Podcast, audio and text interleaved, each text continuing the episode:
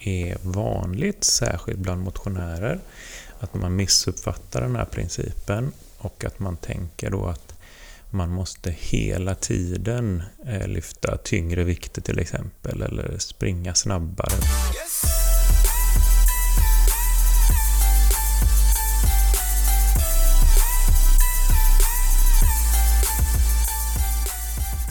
Ja, hur ska man träna egentligen när man har mål som betyder någonting?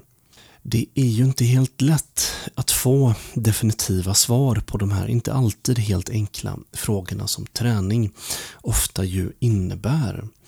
Och De brukar bli fler till antal när man försöker optimera, ta sig framåt och förbi. Vi har fastnat på en platå eller vi har en skada och vi har ont. Men en sak, det är alltid säkert när det kommer till de här frågorna. Träning, det är kaos. Det är en djungel av information. Det är falluckor. Det är myter. Det är missförstånd. Och de är svekfulla. Alla de här villospåren. Så hur ska vi göra då med övningsval, repetitioner, sättvila, när man inte vet? Ja, det finns ju såklart forskning på det här med hur man ska träna för att uppnå specifika träningsmål. Det finns också riktlinjer för hur man ska gå tillväga när det kommer till olika hälsotillstånd. Men vad det gäller smärta smärta så är det lite klurigare ändå. För smärta, det är dimhult, dunkel, där det är ännu svårare att få tydliga svar många gånger. Men det finns någonting där ute som kan hjälpa oss. Och det är träningsprinciper.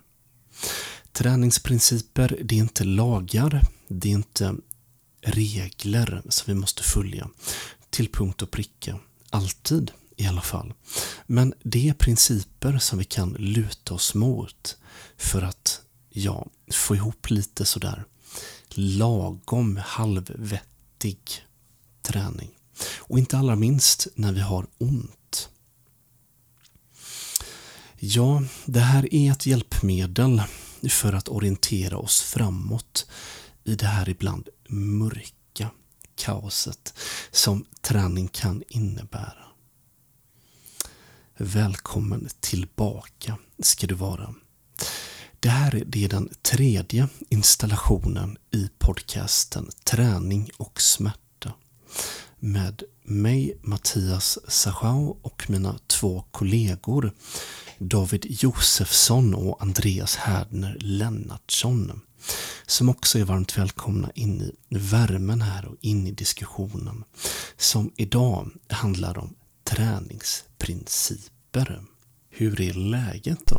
Tack, tack. Hejsan, hejsan. Läget är fint. Samma här. Lite träningsverk. Eh, gav mig på att återuppliva eh, den gamla brassejutsu-karriären. Och eh, idag Det straffar sig direkt. Ja, idag känns det som att det slog bakut. Men det är på ett skönt sätt. Ja, David då? Har du någon träningsvärk här? Ja, men det har jag faktiskt. Jag är lite förvånad över det själv. Jag har tränat det jag oftast gör ungefär, men jag tänkte jag tar i lite mer och då märks det av direkt.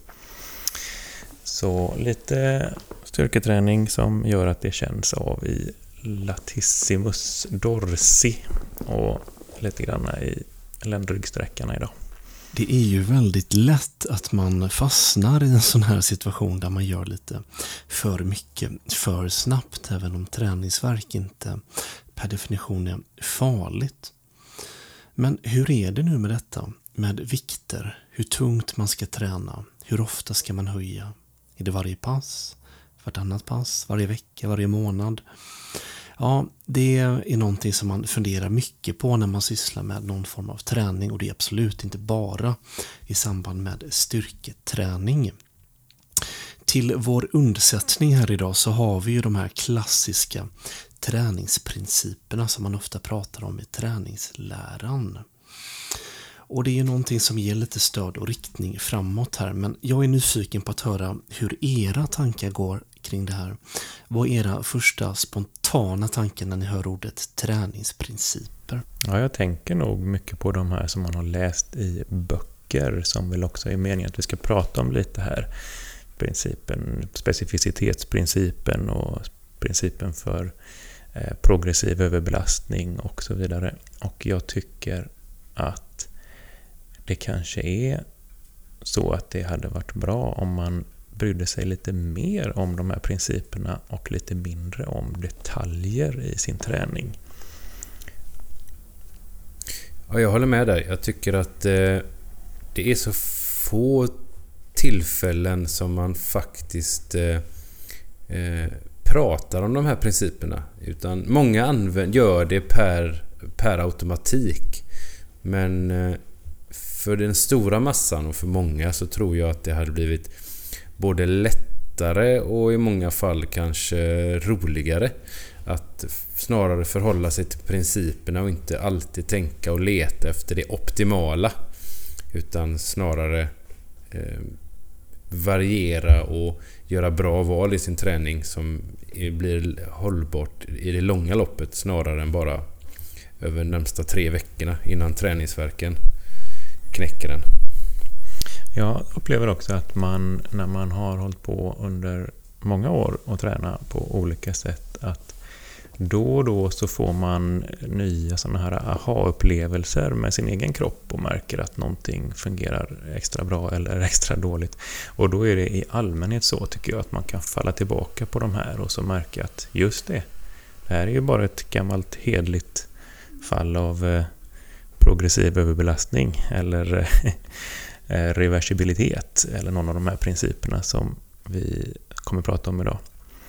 Och jag upplever nog också att när man jobbar med smärta så som vi gör att jag blir slagen av relativt ofta hur närliggande det här är och hur ofta man kan använda sig av samma principer för rehabilitering eller för att förstå sig på eh, Eh, när någon börjar få ont eller hur, hur man ska hjälpa och lyfta någon ut ur smärta.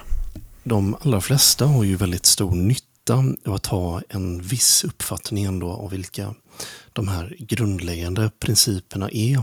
Och sen beroende på mål och sådär så kanske det är olika viktigt eller relevant att gå väldigt djupt i det. Men om man bara har en sån här viss uppfattning så ger det ändå en riktning och en förståelse för hur kroppen svarar på träning och det kommer man ju väldigt långt med även om man inte har som mål kanske att bli bäst inom en idrott på sätt och vis.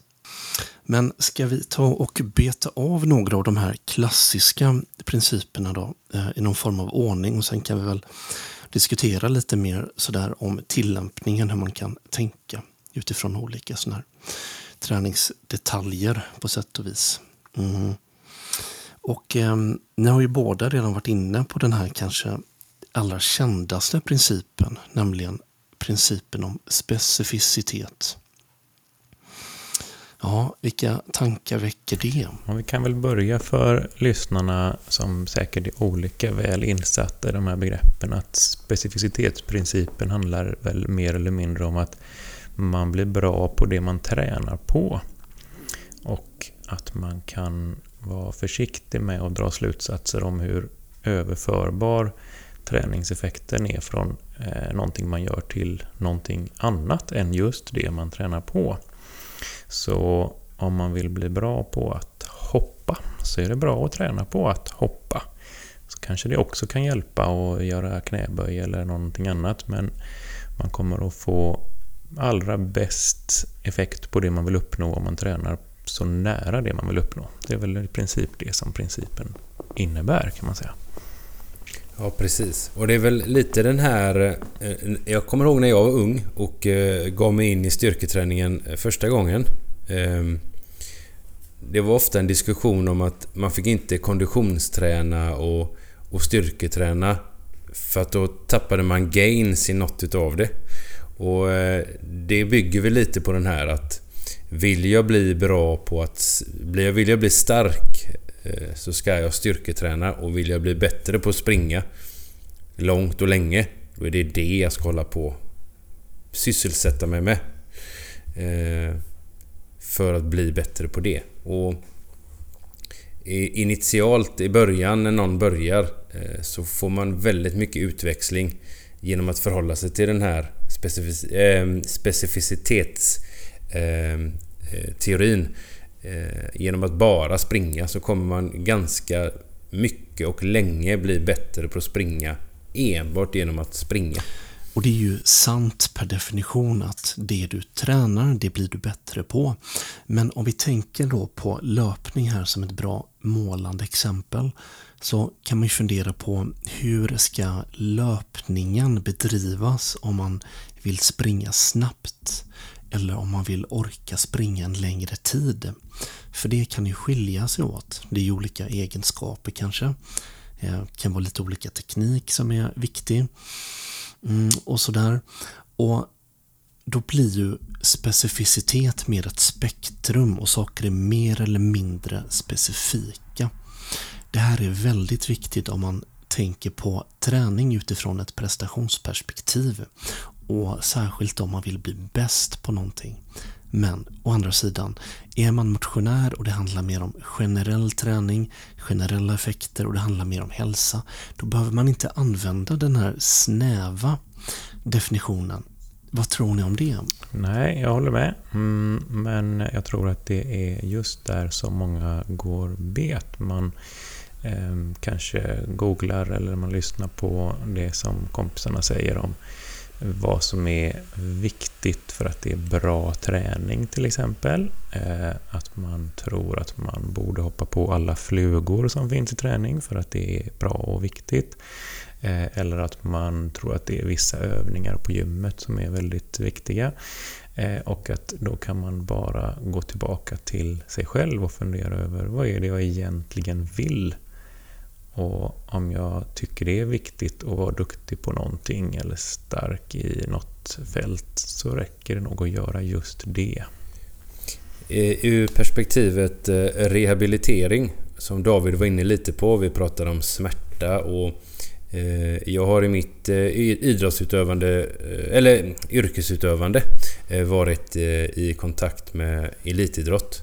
Och även där så förhåller man sig till den här principen. I början av en eh, återgång från skada så eh, får man förhålla sig till att det är en, en, en, eh, en vävnad som ska läka. Men så fort man har fått upp tålighet och eh, fått igång en ökad styrka över den här vävnaden igen så är det dags att återgå att mer specifikt utsätta sig för det man sen kommer att behöva tåla och utsättas för i sitt idrottsutövande. Så att man kan inte bara gå ifrån den här genom att vila totalt eller eh, bara styrketräna för att sen gå tillbaka och springa och hoppa eller studsa och tänka att eh, det kommer att lösa sig. Utan det, det tycks vara viktigt att även utsätta den skadade lämmen eller muskeln eller för specifik belastning för att sen tåla den belastningen. Så inte bara i perspektivet jag vill bli bra på en viss aktivitet utan även i återgång från eh, skada så behöver vi också lära oss och bygga upp tålighet i de här mer specifika momenten vi utsätter oss för. Jag tycker nog att det är en underskattad aspekt även för vanligt folk som har ont någonstans. Eh, det är ganska så vanligt inom sjukgymnastik till exempel att man har standardiserade vårdprogram efter olika typer av besvär oavsett om det är rehabilitering efter specifika skador eller efter kirurgiska ingrepp. Och så ska alla göra samma. Och eh, utifrån perspektivet att det finns läketider för olika vävnader och eh, sådär så kan ju det bara finnas en rimlighet i det.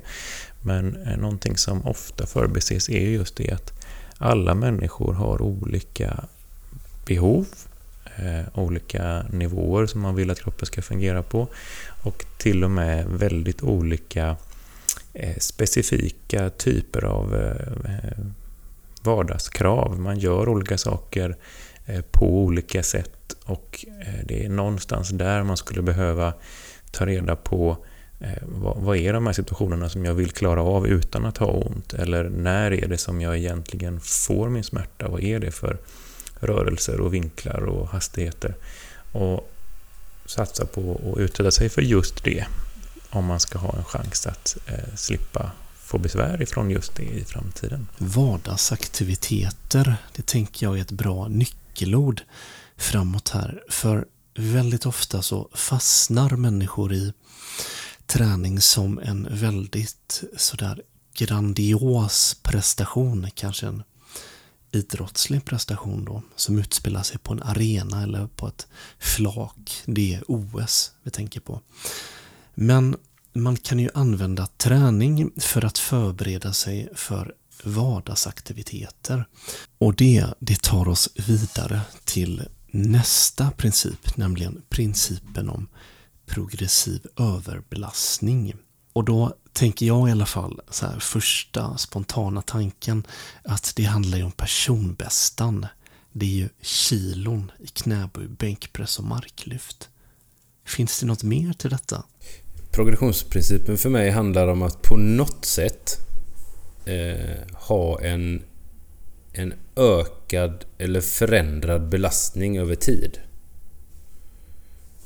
Eh, och det finns ju lite olika varianter. Det har ju den som kallas eh, eh, överbelastningsprincipen och så progressionsprincipen. Och ibland stöter man på eh, progressive overload, alltså eh, gradvis ökad exponering eller gradvis överbelastning. Så de, de är lite sammanflätade men i grunden så behöver vi någon typ av ökad belastning över tid. Eller någon form av eh, ökad stress kanske man kan säga. Eller ökad svårighet. Jag tänker att progression kan vara olika saker men det det ändå landar i är ju att man utsätter sig för någonting och om man gör det många gånger så vänjer man sig vid det. Kroppen vänjer sig, vävnad kan vänja sig, mm, man kan vänja sig eh, så att man inte blir besvärad av någonting eller så att man eh, inte tycker att det är svårt att göra någonting. Och så fort man har kommit över den där pucken, när, när någonting slutar vara utmanande, då behöver man öka graden av utmaning igen. Så jag tänker inte att det behöver handla om belastning eller kilon, utan det gäller nog för precis allting som man vill bli bättre på. Man behöver höja insatsen successivt över tid helt enkelt. Som ett tillägg till detta så vill jag nämna någonting som jag tror är relevant för alla som är intresserade av lyftning av olika slag där ute. Det är ju att förutom kilon och volym som är väldigt kvantifierbar data ändå, så kan man ju även skapa en typ av progression i detta genom att lägga in ja, variationer av de här grundrörelserna. Så om du börjar träna på fler typer av marklyft och knäböj och bänkpress, ja, då får du ju också en ny utmaning till detta. Det blir svårare. Så allt är inte bara kilon och minuter och kilometer och sådär. Men jag ska inte raljera för mycket om styrketräning. En tanke däremot som jag fick när jag hör era resonemang om det här med progression och överbelastning. Det är ju begreppet överträning. Och överträning, eh, där pratar man ibland om planerad överträning. Och ibland så pratar man om den lite mindre funktionella överträningen där man kanske blir sjuk eller skadar sig. Hur hänger det här ihop med den här principen som vi pratat om nu? Hur går era tankar? Jag tror att det är vanligt, särskilt bland motionärer, att man missuppfattar den här principen och att man tänker då att man måste hela tiden eh, lyfta tyngre vikter till exempel eller springa snabbare på sin eh, runda som man övar på eller vad det kan vara. Och att om man eh, en gång eller ett pass inte klarar det som man kunde förra gången då så har man backat på något sätt i utveckling. Och den eh, uppfattningen tänker jag är en, en risk. Eh, någonting som gör att det blir lättare att man får överbelastningsbesvär. För även om man i ett makroperspektiv behöver ha en progression så behöver man ha utrymme för svängningar. Man kommer att ha olika prestationsförmåga, olika dagar och olika perioder. Och man behöver också se till att man Eh, planerar in återhämtning. Så i allmänhet för långsiktig framgång i träning så brukar det ju vara en bra idé att man har eh, perioder som är lite svårare och perioder som är lite lättare och att det går upp i intensitet ibland och ner i intensitet ibland. Men att när man har tagit sig tillräckligt långt fram i tiden, då ska man ha haft en, en totalt sett högre belastning än vad man hade en motsvarande period året innan till exempel. Undrar om det blev en lång och krånglig utläggning nu? Jag tycker inte det, men det som är intressant eh, som du säger där, det är att du lägger fokus på att då har jag fått en förändring eh, sen förra året. Och det kan vara kul att sätta det i lite perspektiv sådär hur... Vad, det är för, alltså, vad är det för tidsrymder vi pratar om? Och man får ofta känslan av att mm, det är svårt för en, en, den, den generella massan sådär att sätta mål som faktiskt är ett år fram eller till och med längre ibland för att uppnå de här eh, träningsmålen man kanske har. Att man får sätta det att kroppen är fantastisk på att anpassa sig men att det tar tid. Och hur lång tid är svårt att säga. Det kommer bero på jättemassa faktorer. Men att man inte pratar om dagar och veckor utan att man snarare har perspektiv som är månader och år i det här. Eh, det är något som också ofta missas i, i, eh, i en diskussion. Eh, en annan... David kom med vinklingen att folk generellt gärna pressade på, alltid ökade och sökte en en, en ständig progressiv överbelastning. Men ibland tycker jag man stöter på folk som inte resonerar kring det här överhuvudtaget. Utan varje, varje dag, eller varje vecka går de ner och kör sina två dagar i veckan, vilket är jättebra. Men de gör alltid samma sak. De får inte några förändringar alls i vare sig intensitet eller hur länge de kör, utan det är alltid samma. Och det kommer ju också i det långa loppet då inte vara Eh, eh, eller onödigt suboptimalt. Utan de hade på ganska lite variation kanske upplevt stora förändringar. Eller lite förändring av belastning få stora förändringar. Just det. Kan det vara så att det där också är eh, lite grann av en anledning till att många tycker att träning är tråkigt och att man har svårt att motivera sig?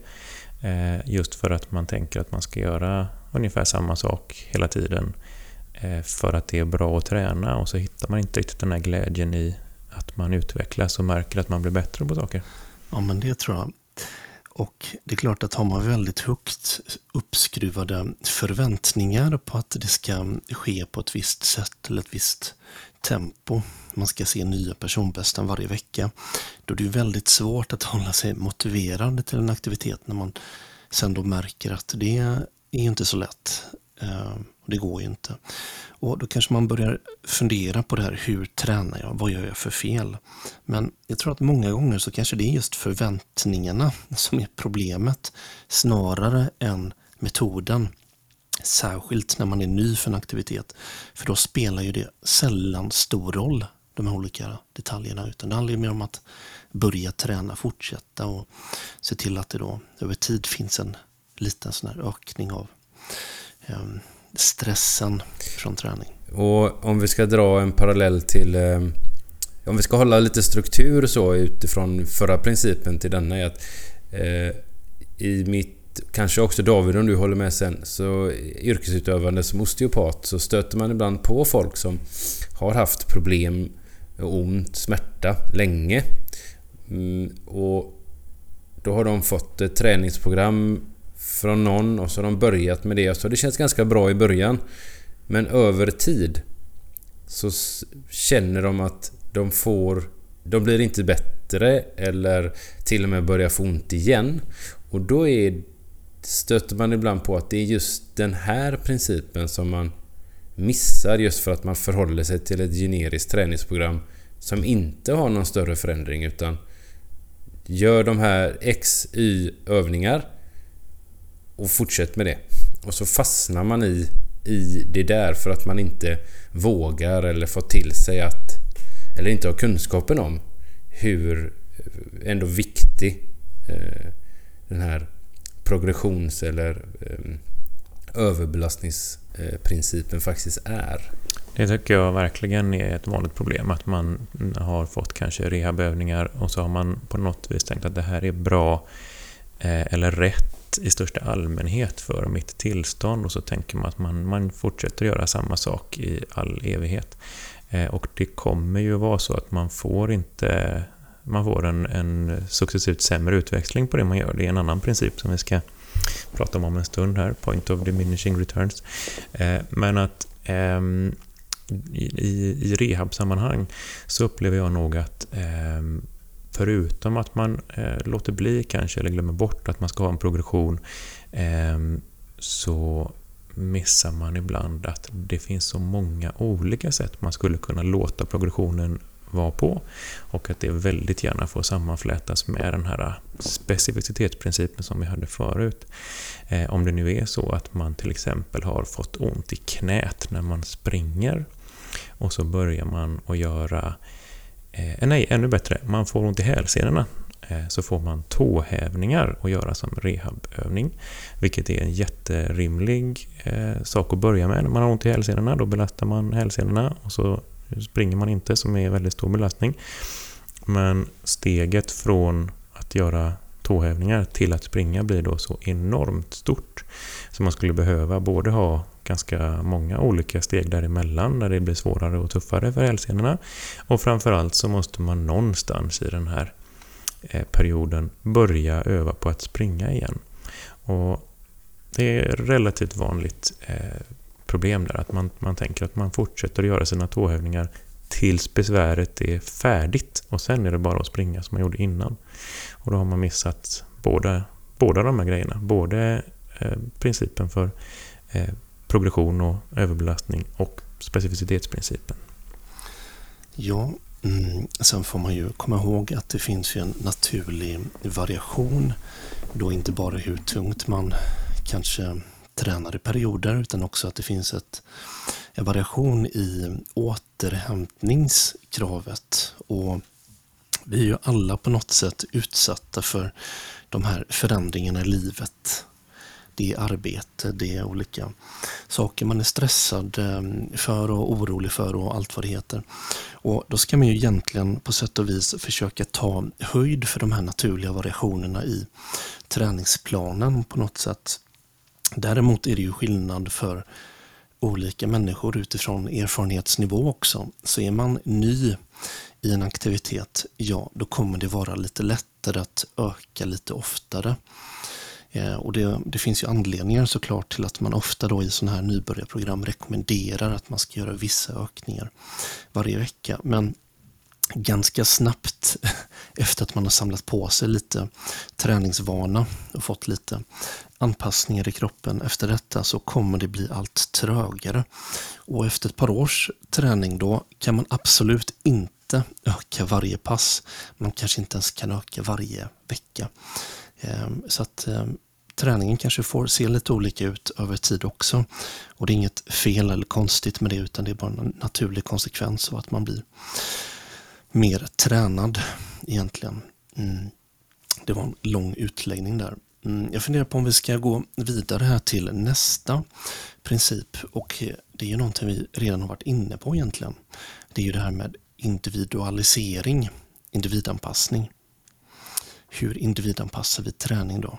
Om vi ska försöka vara lite mer praktiska. Hur kan man göra? Jag tänker att eh, det kan betyda många saker med individanpassning naturligtvis. Eh, det mest uppenbara är ju att man får utgå från vart någon befinner sig för tillfället i termer av eh, hur van man är vid att träna och vilken nivå man startar på i termer av eh, fysisk kapacitet. Men någonting som man kanske bryr sig mindre om att prata om och som är väldigt aktuellt för oss som jobbar med människor som har ont och som ska göra någonting som de egentligen kanske inte är motiverade till att göra utöver att bli av med sina besvär.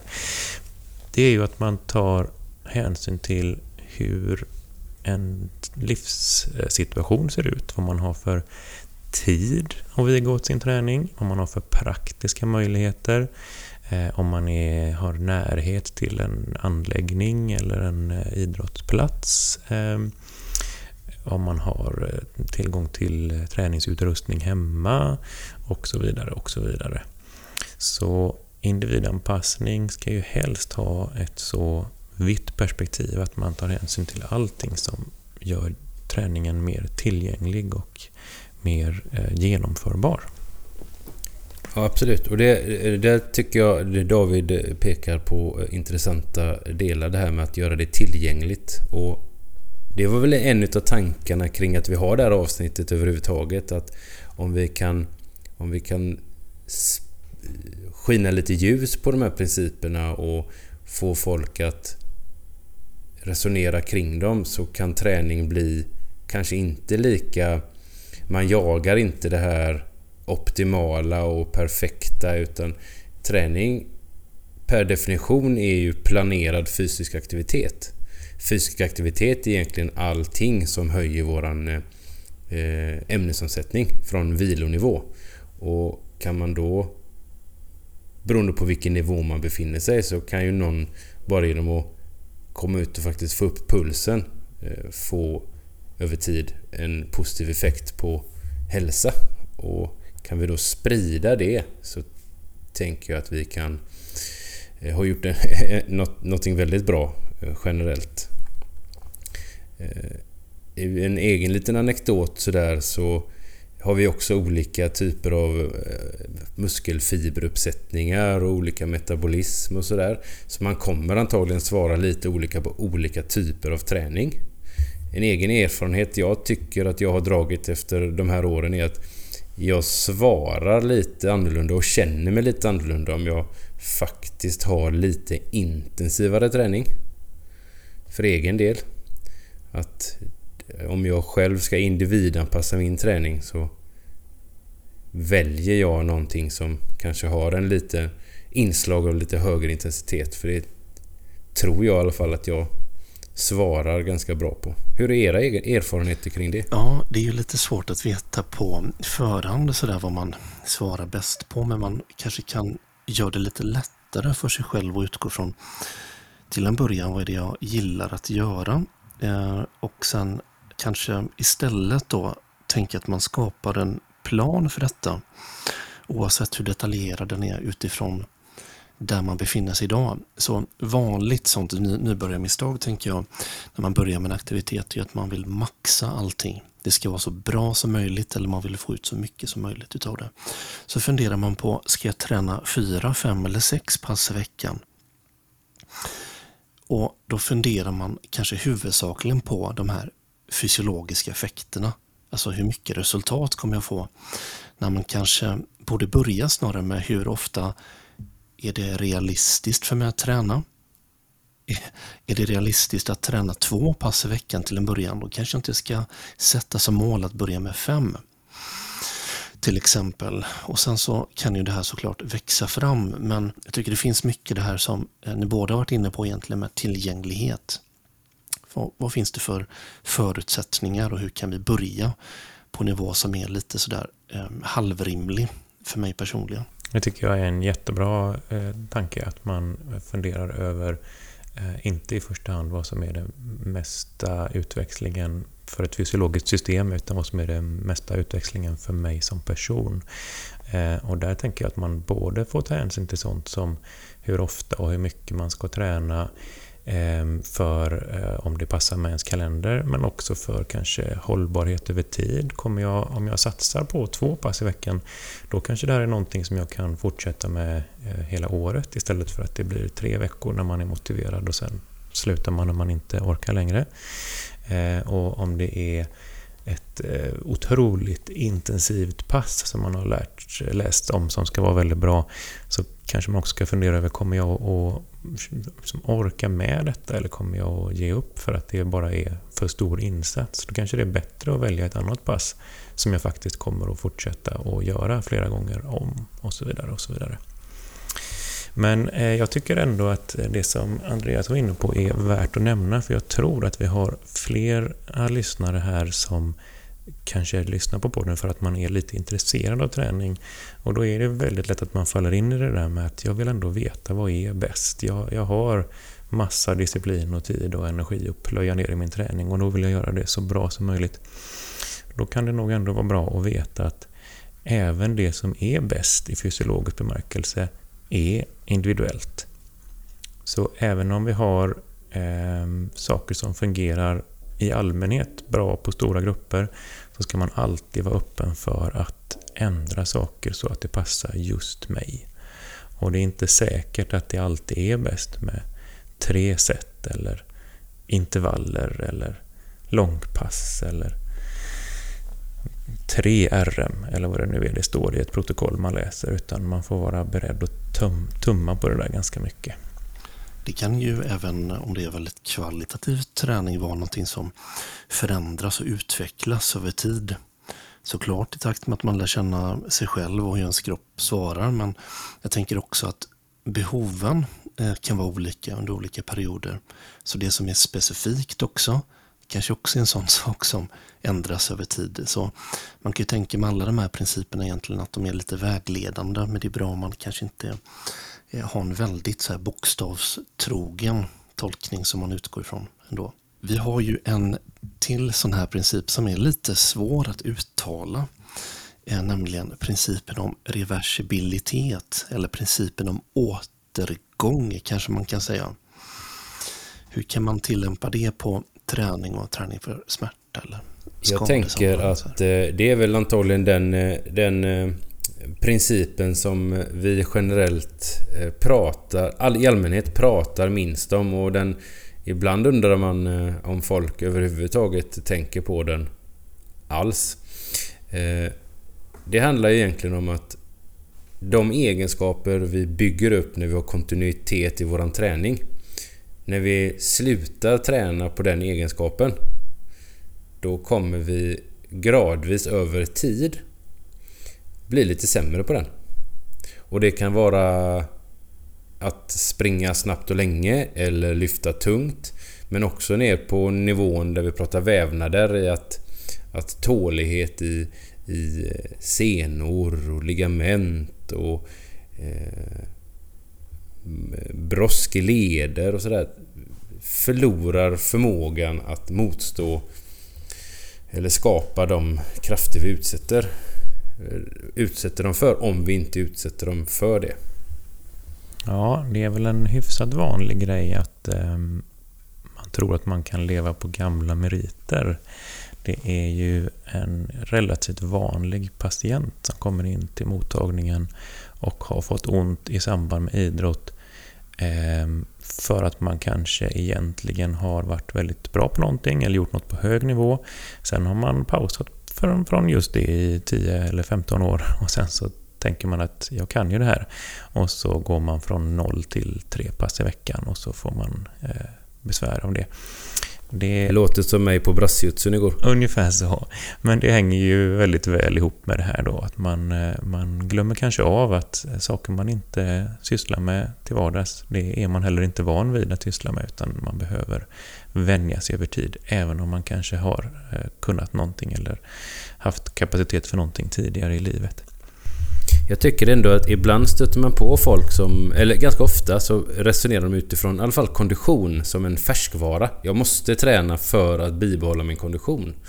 Och det är ju bra. Men jag tycker att vi kan försöka sprida om att det också gäller tåligheten i kroppen generellt och inte bara hur länge jag orkar göra något utan också hur länge min kropp orkar utsättas för det. Det är ju ganska vanligt med eh, sensmärta eh, kring hälarna, häl, eh, hälsenesmärta eller knäsmärta i samband med att man har börjat ta upp en, en, en vilande löparkarriär eller liknande. Att det är inte bara konditionen som ska, och hur trött jag blir av passet som ska få styra utan också har jag inte sprungit på länge eh, starta rimligt eh, rimligt lågt eller eh, 50% av det du hade tänkt att springa och bygg upp mot det över veckor mot det du vill springa för att andra strukturer och, och kroppen ska hänga med i det där för att minska risken att få någon typ av överbelastningsbesvär kan ju också vara värt att påpeka där att eh, vissa saker anpassar sig fort. Till exempel kondition blir väldigt fort bättre om man, om man eh, gör pulshöjande aktiviteter. Eh, och andra saker tar längre tid, så muskelmassa till exempel brukar ta lite tid att bygga upp. Och det som kanske tar längst tid är just den här anpassningen för andra vävnader, senvävnad och, och ligament och brosk och eh, benmassa och så vidare. Så eh, har man inte gett sig själv tid att vänja sig vid tuffare aktiviteter så eh, är det en risk att man blir stark och eh, konditionsstark fortare än vad man bygger upp tåligheten. Ett klassiskt exempel på det är väl att syssla med sådana här eh, högintensiva protokoll för att få bättre syreupptagningsförmåga. Så till exempel Tabata-intervaller var ju populärt för ett tag sedan. Eh, och så tror jag att de allra flesta kan förstå att om man gör eh, det tre gånger i veckan och man tränar några minuter per gång så spelar det ingen roll hur stark hjärta och lungkapacitet man har så kommer det vara svårt att springa en maraton där utan att eh, fötter och knän tar stryk av det. Ja, om vi slutar träna eller tränar väldigt mycket mindre så finns det då en liten sån här risk att vi förlorar gradvis över tid de här olika anpassningarna. Det kan man ju då tänka är principen om reversibilitet.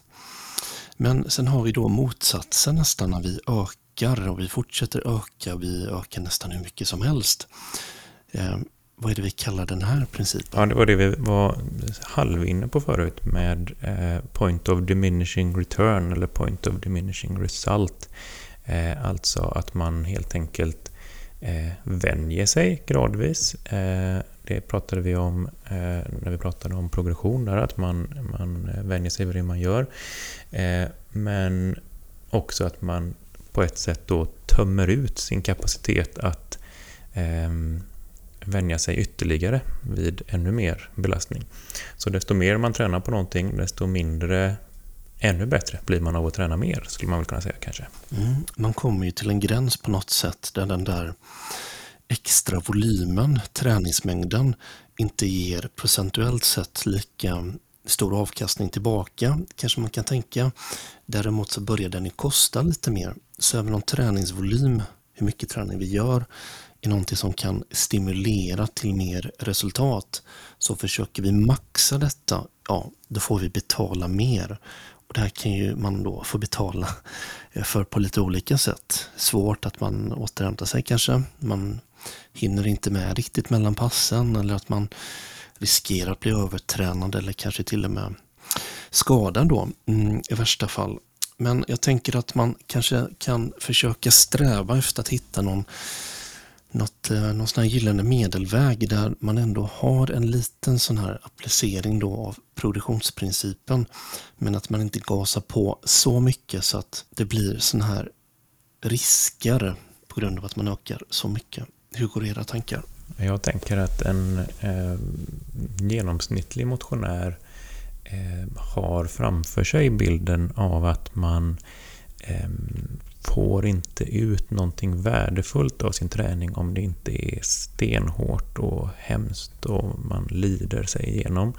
Eh, och att man kanske det skulle må bra av att veta att det snarare är tvärtom. Man får ut som allra mest när man går från 0 till 1 och inte så mycket om man går från 9 till 10 i termer av intensitet eller volym eller sådär då. Ehm, så om fler kunde göra något så skulle man få ganska mycket utveckling på det. Och eh, kanske snarare hålla sig ifrån den där allra, allra sista extra superinsatsen som ger väldigt lite tillbaka och eh, har ganska mycket ökad risk för skada och överbelastning som vi var inne på där. Jag, jag tror att eh, det är allt för vanligt att man eh, överskattar värdet av den sista Eh, tuffare insatsen eh, och att man underskattar hur mycket träning kan ge tillbaka när man fortfarande är i någon form av ändå komfortzon. Vi vet ju, eh, om inte annat när det gäller styrketräning, att eh, ganska eh, långt innan man är eh, i den här zonen där det känns grisigt så får man värdefulla styrkeökningar av sin träning. Och då har man både kanske inte hunnit känna att det är så besvärande eh, och framförallt så har man inte kommit upp i en nivå där det kostar så mycket återhämtning. Så det är ganska lätt att få in eh, bra träning som ger bra resultat tillbaka utan att det rumsterar om med eh, hur mycket man måste äta och sova och sådär. Vilket annars är den stora svagheten för den som inte lever på en idrott. Att hur ska jag kunna träna på det här sättet eh, när jag också har ett liv och ett jobb och stress och saker som gör att man inte kan maximera återhämtningsfaktorer. Mer träning är ju bara bättre egentligen så länge det faktiskt är bättre. Eh, och det är ju det vi pratar om här nu då, vilka konsekvenser det kan ha när det blir lite för mycket av det goda. Och om man då får ett sånt här väldigt stort återhämtningskrav som är svårt att, ja, kanske tillgodose då eh, med ens livsstil så innebär ju det att vi förlorar lite i hållbarhet. Och vad innebär då det? Jo, över tid så kanske det blir ännu svårare då att upprätthålla den här progressionen. Så även om man vill få mer resultat i det långa loppet så kan det ibland vara fördelaktigt att vara lite mer minimalistisk i sin träning kanske. Eh, kanske kan man fundera på hur lite träning kan jag göra och ändå se framsteg här. Eh, det är en intressant tanke i alla fall. Absolut, och kanske förhoppningsvis att man kan få människor att inte hela tiden leta efter det optimala för vi vet inte riktigt vad det är. Det finns otroligt många variabler i livet som är okontrollbara. Och att det är bättre att göra någonting hållbart och göra det. Och sen vad det är, det är kanske det som är optimalt att vi gör något snarare än vad det optimala är. För de förutsättningarna är det, är det väldigt få som har. Man skulle kunna tänka att eh, det optimala är ju att få så mycket man kan tillbaka med så liten insats som möjligt. Snarare än att tänka att jag kan eh, investera hur stor insats som helst bara jag får maximalt med utväxling. Så kanske lite mer eh, the most bang for the buck som det engelska uttrycket lyder. Bra, då har vi en liten genomgång här av alla de här grundläggande träningsprinciperna. Åtminstone de som vi tycker då kanske är de absolut viktigaste att hålla lite koll på. Oavsett om det handlar om progression för prestation eller ja, rehab, smärta och skador. Då. Eh, tycker man att eh, det här avsnittet det gav mig någon form av behållning, då får man jättegärna gå in på sin favoritpoddspelare och lämna en recension där. För lämnar man en recension så hjälper man oss att nå ut till fler och då blir vi motiverade och glada i att göra fler sådana här avsnitt om träning och smärta framöver. Tack för idag! Tja!